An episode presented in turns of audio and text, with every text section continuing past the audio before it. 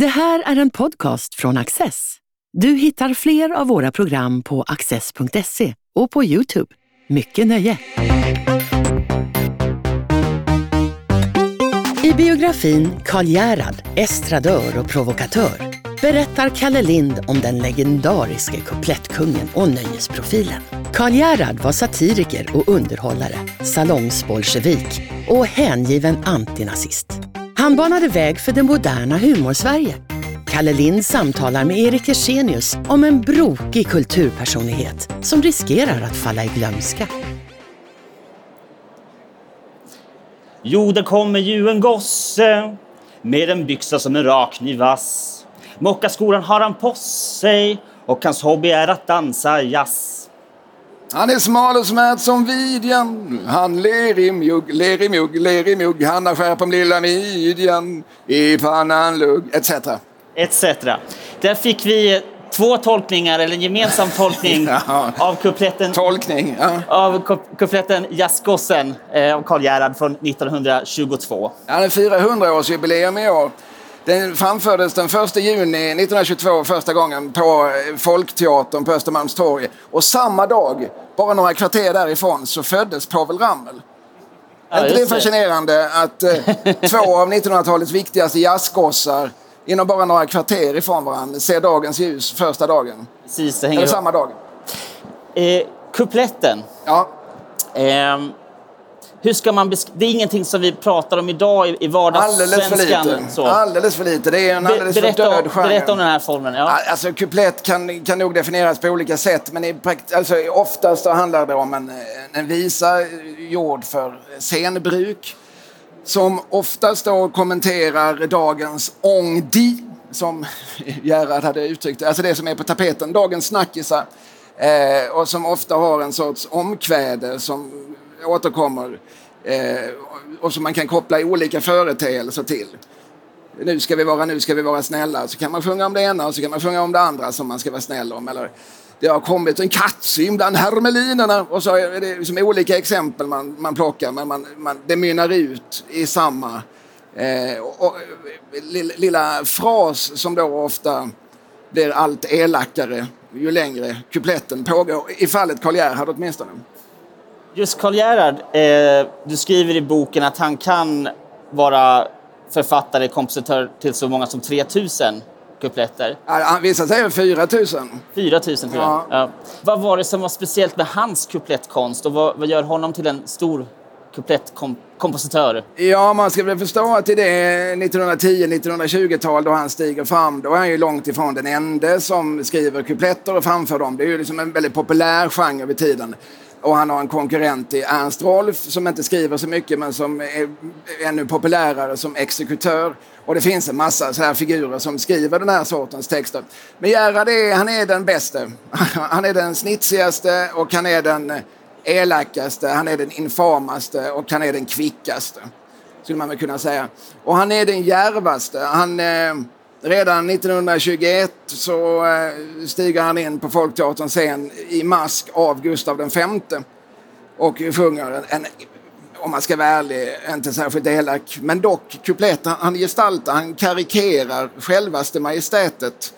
Eh, och, eh, och är hela tiden på något vis två steg före alla andra vad gäller djärvhet, vad gäller pushande av gränser, vad som får lov att sägas inom teaterns ramar.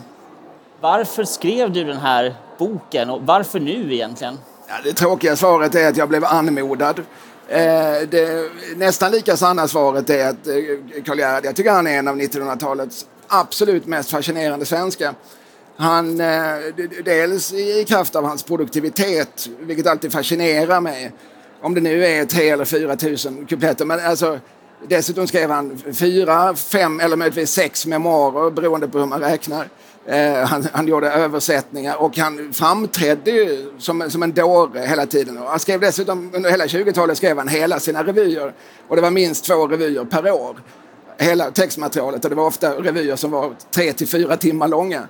Eh, alltså han hade ett otroligt flöde som han höll igång i 45 års tid. Det tycker jag dels är som generellt alltid fascinerande. Vad är det som driver någon?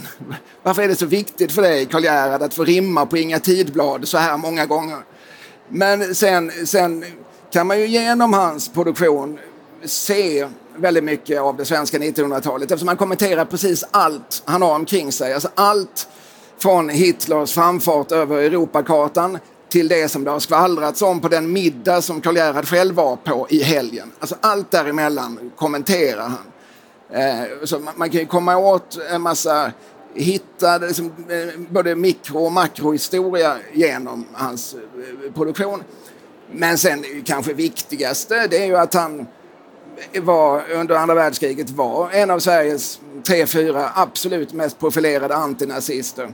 Samt att han eh, som efter sin död har blivit en eh, gay eller hbtq-ikon. Eh, för dig personligen, då, vad, har, vad har du för relation till Karl Gerhard? Ja, för mig börjar och slutar allting med Hasse och Tage.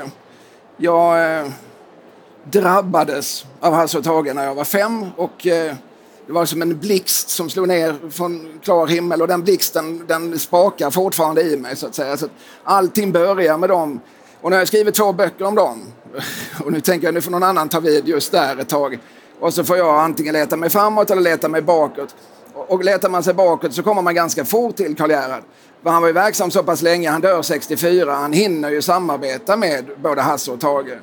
Eh, och eh, ja, det, det, är så att säga incitamentet. Där började för mig. Alla människor som på något vis har passerat Hasse och Tages väg är för mig intressanta människor. Men, men sen, alltså, sen är jag ju allmänt intresserad av både svensk 1900-talshistoria i stort och dess underhållningshistoria i synnerhet. Jag tycker det är väldigt fascinerande samspelet mellan, mellan nöjet och eh, samhället. Jag, eh, jag, jag, tycker hela tiden jag hittar nya vinklar, nya sätt att belysa det sambandet på. Eh, du nämner här några aspekter av Karl Gerhards person så jag tänker jag ska fråga dig mer om. Men om man eh, på något sätt ännu djupare försöker fånga honom som, som, som människa. Va, vad kan man säga om honom? Vad var han för, för sorts person? Ja, jag kan ju säga det, när jag började skriva den här boken så trodde jag att jag främst skulle ägna mig åt någon sorts textanalys. Att jag skulle gå in i, kanske inte alla 3-4 tusen kupletterna, men en handfull av dem och, och på något vis försöka dechiffrera dem och förstå vad är det han sjunger om och varför och så. Men ju mer jag liksom återkom till hans eh, egna levnadsteckningar det finns ett antal biografier om honom, desto mer fascinerad blev jag av personen Karl-Emil Georg Jonsson, byggmästarson från det fattiga Östermalm som skapar sig en persona som blir den elegante, eh, världsvane flanören och estradören, kommentatören Karl Gerhard. Som, som verkligen bygger en, en image som han själv skulle vägrat att säga. Eh, han skulle säga image. Eh, kanske. Han, han var ju frankofil. Men eh, han, eh, han, han, var... Det där, det där kan man ju liksom aldrig... Han, antingen var han homo eller var han bisexuell.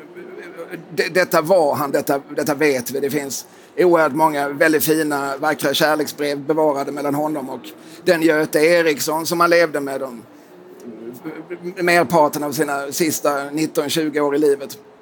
Och eh, det är också väldigt tydligt, jazzgossen som du satt här och yeah. sjöng som alltså kommer redan 1922, den är ju sprängfylld med antydningar. Han sjunger om eh, han på sitt lilla bakverk frossar och i små synkoper vippar hans lilla stjärt. Han trippar på höga klackar, han har tusch på sina ögonlock. etc. Alltså det är, yeah. och, det är inte en slump att det finns där utan det är en sorts inifrån skildring av en sorts queer värld som han rörde sig i. Om man säger då generellt kring det han skapade och idag, idag när vi använder begreppet queer, liksom, finns de här queera stråken genom allt han skrev eller? Ja, det där är också väldigt intressant att följa. Alltså under 20-talet som, som ju är en intressant period för att eh, det, då är ju liksom homosexualitet förbjudet men, men det är heller ingen det är också en icke-fråga. Alltså normsamhället skiter i vilket. De har liksom inte reflekterat så mycket över att folk kan hålla på med sånt. Eh, och, och, och 20-talet är ju också en liksom, enormt progressiv tid då man börjar testa liksom, könsrollernas gränser och sådär. Som, jag eh, tror, finns siffror på att eh, hälften av Sveriges kvinnor klipper håret, eh, alltså bobbar sig eller kinglar sig. Ehm, män börjar liksom, eh, i offentligheten börjar bete sig som det hette effeminerat. Man, man blir mjukare i handlederna och sådär. Alltså det är ju en allmän, man, ett ifrågasättande och ett prövande av de traditionella könsrollerna. Och, eh, och där är liksom, Karl Gerhard finns i kretsar i Stockholm där man på många sätt liksom testar, prövar, funderar, utmanar. Eh, och det finns ju det också en sorts eh, antiborgerlig rörelse, alltså i bemärkelsen Alltså det här skriver Gerhard själv mycket om att han som ung, han föraktade brackan. Han föraktade knubben, ett ord vi sällan hör nu för tiden, men som är den, den eh, obildade men lite rika pöbeln, knubben. Då, då, alltså, och det här, eh, alltså, man utmanar väldigt mycket eh, en sorts normsamhälle. Man kallar inte det så då, men det var exakt det man gjorde. Men sen, det intressanta är att under 20-talet är han ju gift då, eh, med, med, tre olika kvinnor. Det är ganska korta äktenskap. Och, eh, och sen om det är 45 tror jag han träffar den 34 år yngre Göte Eriksson som, som sen blir hans, som det heter i artiklar, chaufför, sekreterare och allt i allo. Som bor två dörrar bort i, i Karl Gerhards kråkslott ute i Saltsjöbaden. Eh, och, och börjar liksom alldeles uppenbart leva ett samkönat liv med honom. Och ungefär då så blir också de queera antydningarna mycket färre. Vilket är intressant för 44 då avkriminaliseras ju homosexualiteten och, och då är vi många som påstår att i samband med detta så, så blir också normsamhället mer fixerat vid detta. Och 50-51 så har vi då eh, Keina-affären och Haijby-affären som är två rättsröteskandaler präglade av en eh, liksom fullkomligt sinnessjuk homofobi. Eh, med liksom jättestora löpsedlar om homosexligor hit. Och, eh, och, eh, och, här slutar Karl Gerhard väldigt mycket att antyda. Han håller på i 25 år innan och gång på gång sysslat med vad man kallar innuendos, alltså små, de här, just antydningar hela tiden. Det försvinner allt mer. Han kommer, han som kommenterar precis allting annat, han kommenterar Keina-affären ytterst sparsamt. Vilket jag tolkar som att, att, han, att han inte riktigt vill ha ögonen på sig. För att vad som också händer 49 så ensam adopterar han eh, en liten flicka som heter Fatima som sedermera gifter sig med Gösta Ekman den yngre. Eh, och, eh, och i praktiken så lever han ju då i en stjärnfamilj med eh, Göte och Fatima. Hon har ju två pappor, då har hon, själv, hon har ju vittnat om det som vuxen. Och då kanske han inte vill ha rampljuset på sig i dessa homofobare tider. Så det kan man verkligen säga att mm, antydningarna blir färre i takt med att han själv lever ett allt mer outspoken samkönat liv. Just det. Du nämnde lite kort här om hans eh, uppväxtbakgrund på Östermalm. Var kom han ifrån för, för sammanhang egentligen? Alltså oerhört eh, obildade och okultiverade sammanhang. Om man frågar Karl Gerhard, det är den enda källa vi har här egentligen. Men, men han och hans far kom aldrig överens och fadern lär livet ut ha kallat sin son för den där taskspelaren. Eh, som ung och det är ju en ganska vanlig historia. Som ung eh, så eh, blir han väldigt eh, fascinerad av idén att eh, spöka ut sig, att bli någon annan, att stå på en scen i kraft av någon annan. Han, eh, det, det, då, på 1900-talet så fanns det de här barnens dag-karnevalerna. Det var ett stort fenomen där folk liksom sprang ut på gatorna och klädde ut sig. Och den som helst klädde ut sig och som ofta stal med sig lite maskeradutstyrslar efteråt. Det var då den unge Kalle Jonsson. Och eh, han ser till att ha så dåliga betyg att hans far inte kan tvinga honom tillbaka in på Östra Real. Utan han rymmer med ett resande teatersällskap som var ett ganska vanligt fenomen vid tiden. Eh, och som ofta drevs av före detta teaterprimadonnor som blivit lite till åren och som inte längre fick stjärnroller och som skaffade sig ett eget litet sällskap och gav sig ut i landsorten där de inte var lika nogräknade. Så där åkte han med en kvinna med det fantastiska namnet Anna-Lisa Wasser Engelbrekt. Eh, som, eh, och så åkte de ut i landsorten. Och det gjorde han sen i, i många år innan han blev revykung. Kan man säga att det var ett eh, att det här utanförskapet i någon mening också är drivkraften sen i hans, i hans skapande och artisteri? Ja, men det tror jag. Och vad jag också tror är att det han visade upp på sin revyscen, vilket var väldigt mycket män i kvinnokläder, eh, kvinnor som betedde sig som karar, eh, antydningar, bitchigheter, eh, små elaka spetsfundigheter. Allt det tror jag var saker som han hämtade från en gayvärld. Dels sin egen, sitt eget kotteri i Stockholm men sen så gav han sig ju gärna till Berlin och Paris som var vid tiden som var frizoner för allsköns avvikare. Hans satir, så att säga, hans kommenterande, vad, vad riktade sig, åt vilka håll slog han, så att säga?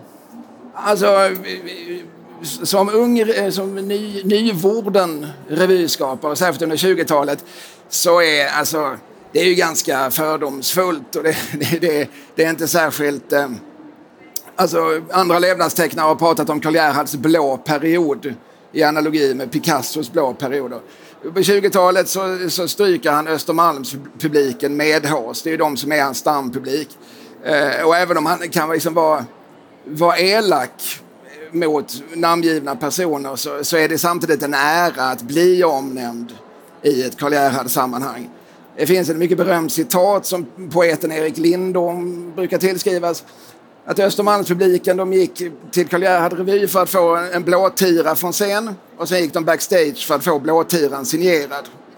Och det var väldigt mycket så samspelet såg ut mellan Gerhard och hans stampublik. Sen hände ju någonting i Tyskland 1933 som eh, du säkert känner till. Då får de ju då en ny Reichskansler. Och eh, då är Karl Gerhard tidigt en av de första i Sverige att, eh, att uttrycka sin stora oro för det som sker där. Till detta främst inspirerad av en man som var verksam här i stan i Göteborg, Torgny Segerstedt som var ledarskribent på Göteborgs Handels och Sjöfartstidning också. Jag tror liksom dagen efter att Hitler blev, blev utnämnd skrev på ledarplats Herr Hitler är en förolämpning. Vilket Göring omedelbart reagerade på och sen, sen, sen var bollen igång. men, men Gerhard, Torgny Segerstedt och sen en man som heter Ture Nerman som är sorgligt bortglömd som drev den antinazistiska tidningen Trots allt de tre brukar säga att det var de som stod överst på nassarnas dödslista vid ett eventuellt maktövertagande. Att han tar det ställningstagandet, eh, det här modet, men det hänger kanske också då samman med vem han, vem han faktiskt är som, som person eh, i sin reaktion mot det. Just, just att han blir en del av den svenska antifascismen eller antinazismen. Eh, varför blir det just Karl Gerhard? Ja, alltså han pratar ju om den, alltså han jämförde det med en, en religiös väckelse, alltså hans antinazistiska kall. Eh, alltså det, det, dels då i egenskap av, av avvikare själv, eh, alltså som, eh, som homosexuell och sen hade han eh, som en, en krets med många judar. Alltså det, man, man säger ibland sådär att det, att det är judar och bögar som har skapat hela showbiz. Och ju mer man tittar på showbiz desto mer inser man hur sant det är. Alltså det finns få undantag från den regeln. Eh, och, och, så var det med hela den krets han kom ifrån. Och, vilket är intressant för man kan ju, i hans 20-talsproduktion så kan man hitta massor med skämt som vi idag skulle säga att åh herregud, det där var antisemitiskt. Men det är ju då skämt som har liksom uppstått i Eh, alltså en judisk krets, alltså själv, självironiska skämt som man sen som marknadsför på, på scen från början. Plus att det är lite grann en kliché i tiden. Eh, det är inte så vackert, men, men det är vad det är. Eh, så, detta liksom, kombinerat med att Karl nog också har en syn på sig själv. Han, han, är ju en fåfäng man, det ska vi liksom inte komma ifrån. Men att, att, jag är nog ämnad för detta. Det här, det här ska bliva min, min fiende. Det finns nog en sån, en sån känsla i det också. Att det här, är, det här är en kamp som måste föras och den ska helst ledas av mig. Faktiskt. Alltså, efter kriget så kommer detta ligga honom i fatet, vilket är intressant. Alltså först i början av kriget så, så, så sjunger han den ökända hästen från Troja, det gör han 1940, som ju kommenterar eh, femtekolonnarna och, och eh, som de inhemska naziregimerna i Norge etc. Och sen eh, så blir han liksom, för varje revy heter det, det här är inte, jag är inte säker på att det här stämmer, men det hette så i alla fall att han blir allt mer politisk, allt mindre rolig. Och 1942 så får han lämna sin teater för att det, den går inte ihop längre ekonomiskt. Publiken har svikit. Detta gör honom ganska bitter och han blir liksom allt mer halsstarrig. Han fortsätter och, och, liksom, och tjata om tjata liksom i publikens ögon om, om nazismen. Och även efter krigsslutet, alltså från och med våren 45 så är det ju ingen som vill prata om nazism längre. Men Karl Gerhard fortsätter att tjata och han fortsätter att namnge. Glöm inte bort vilka de var, säger han i kuplett efter kuplett. Folke Bernadotte som sen blev som en folkhjälte, leder som de vita bussarna och så här.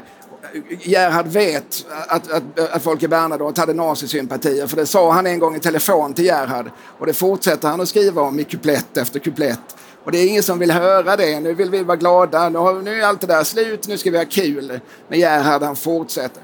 Så att han har en ganska rejäl svacka under, från 44 till 47 ungefär. Då ingen är så intresserad av att lyssna. Den här eh, mättnaden på honom under andra världskriget, under nazisttiden. Eh, ska man tolka det som att publiken hade andra sympatier eller var det bara så att de ville, inte ville kännas vid det här som hände utanför Sveriges gränser? En kombination. Det fanns ju absolut en Östermalms nazism eh, och det fanns en tysk vänlighet som, som många gånger slog över i Hitlervänlighet och så. Eh, men sen uppstod det också samma sak som jag tror att man kan säga sker nu 2022 om jag säger att jag gillar den här artisten så betyder det också att ja, jag gillar hans eh, ståndpunkter. Alltså det blir ett ställningstagande som väldigt många människor inte vill göra. Det blir en polarisering. Eh, alltså helt utan egentligen någons önskan så, så blir det så. De som kommer till Folkan är ju plötsligt så kommer det en massa kommunister dit de, de, har inte Gerhard haft så mycket med att göra tidigare i livet för de, de brukar inte röra sig på Östermalm vid tiden. Men de kommer dit och stödköper biljetter. Så det blir liksom ett ställningstagande. Och det står, alltså de facto står det ju som eh, män i stövlar utanför Folkteatern och ropar judelakej till folk som vill tränga sig in och köpa en biljett. Alltså det, det, blir, det finns ett hot där då många tänker, ah, vi, vi, vi tar inte, det blir jobbigt vi, vi håller oss undan. Fram till 42 så tror de flesta svenskar att eh, en dag så kommer väl Hitler och det är väl lika bra att vi anpassar oss redan nu. Eh, hans, hans relation till kommunismen är ju också intressant för att han blev ju också kallad för salongsbolsjevik. Ja, mycket vanligt epitet. Just det. Och hur, hur, såg det var han, hur såg det ut? Var han snällare mot, eh, mot, mot Stalin och Sovjetkommunismen eller hur? Ja, det får man säga att det är en skönhetsfläck hos honom. Alltså, han kommenterar väldigt sällan och väldigt ogärna eh, Stalin, Sovjet. Han, och han får rätt mycket kompisar som är lite ryssvänliga. Eh, och, eh, och han känner också, i och med, alltså under kriget så är ju hans eh, fränder, det är i väldigt hög grad kommunisterna. Och han känner nog också en sorts, någon sorts sympati med dem. De är också utstötta de är också avvikare. Eh, sen är han jättetydlig med i intervjuer och sådär att eh, det där med proletariat och diktatur tycker jag verkar vara en mycket, mycket dålig idé. Eh, men han känner någon sorts eh, andlig eh, samhörighet, tror jag. Och han är ju också, han blir bjuden på någon, någon märklig handelsdelegation till eh, Moskva 1940 som han gestaltar i den bisarra kupletten Hurra, hurra, vad det är roligt i Moskva. Eh, den, den, den, är, den är mycket svårdechiffrerad. Vad, vad är det egentligen detta handlar om? Eh, men, eh, ja, men han har en eh, liten slagsida dit. Men, men, samtidigt, som sagt, han blir intervjuad i det är väl Ny Dag som är kommunisttidningen och även där säger han väldigt tydligt att jag, jag håller inte med er. Jag, jag, jag tror på demokrati. Du var inne då också på vad som händer efter andra världskriget, efter nazismen. Hur, Eh, du skriver också om eh, lite, alltså att hitta sin roll i det här trivsel-Sverige. Ja. Eh, att, liksom, att, att vara, vara satiriker och lite, lite bråkstake i, i det här lugna, trygga Sverige som ska byggas, så att säga. Ja, alltså, det är väl 47, han skapar ordet estradör efter fransk förebild. Och, eh, vilket innebär att han, alltså de här revyerna han har gjort, det har ju varit spektakelrevyer. Det är ju som ensembler på 20-25 personer, som dekorer och tjo och kim och eh, orkestrar och grejer. Eh, men nu så, eh, det, kanske delvis av ekonomiska skäl, så inser han att det kanske räcker med att det är jag, en pianist och så Göte, den, den allestädes uppdykande Göte som får hjälpa honom att göra lite klädombyten på scen och sådär. Och så skapar han liksom estradören Karl Gerhard som, som väl blir... Ja, alltså, jag tror inte att han går så himla väl hem i Grums och eh, Flen och Jo. Men i Stockholm och Göteborg, och i synnerhet i Göteborg, eh, har han en, eh, en publik som älskar honom och som han älskar tillbaka. Han är ju verksam in på 60-talet. Mm. Eh, vilken betydelse har han haft för Povel Ramel, Hasse och Tage pratade vi om i början. Alltså, hur, hur har hans arv levt vidare i bland yngre? Ja, alltså Povel Ramel, som sagt, eh, jämngammal med jazzgossen. Han är ju marinerad i Karl Gerhard. Ja. Alltså han tillhör ju Karl Gerhards fanbase från, från eh, liksom koltåldern. Eh, men när han själv börjar göra revy, återigen i Göteborg, hösten 1952, så formulerade formulerar han en sorts manifest, Povel alltså. Vad, vad knäppupperna, som hans revyform kommer att kallas, vad de inte ska vara. De ska inte syssla med politik, de ska inte syssla med personpåhopp och de ska inte pyssla med snusk. Det vill säga det som Karl Gerhards revyer helt och hållet lutar sig mot.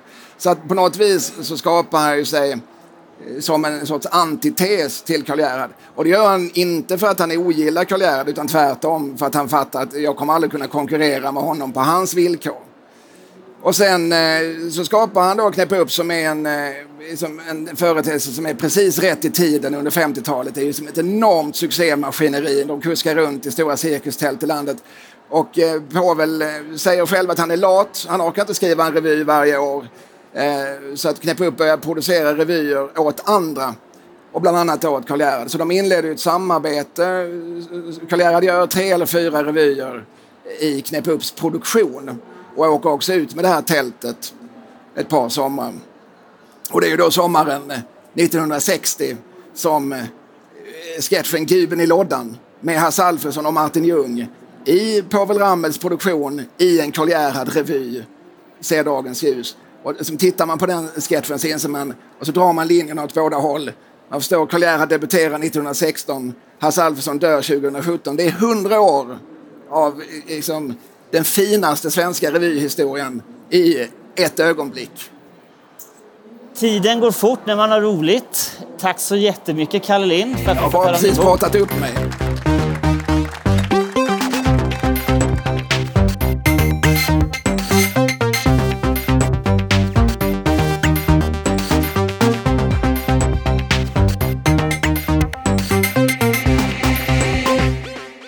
Just lyssnat på en podcast från Access. Du vet väl att vi också är en tv-kanal och tidning? Teckna en prenumeration idag på access.se.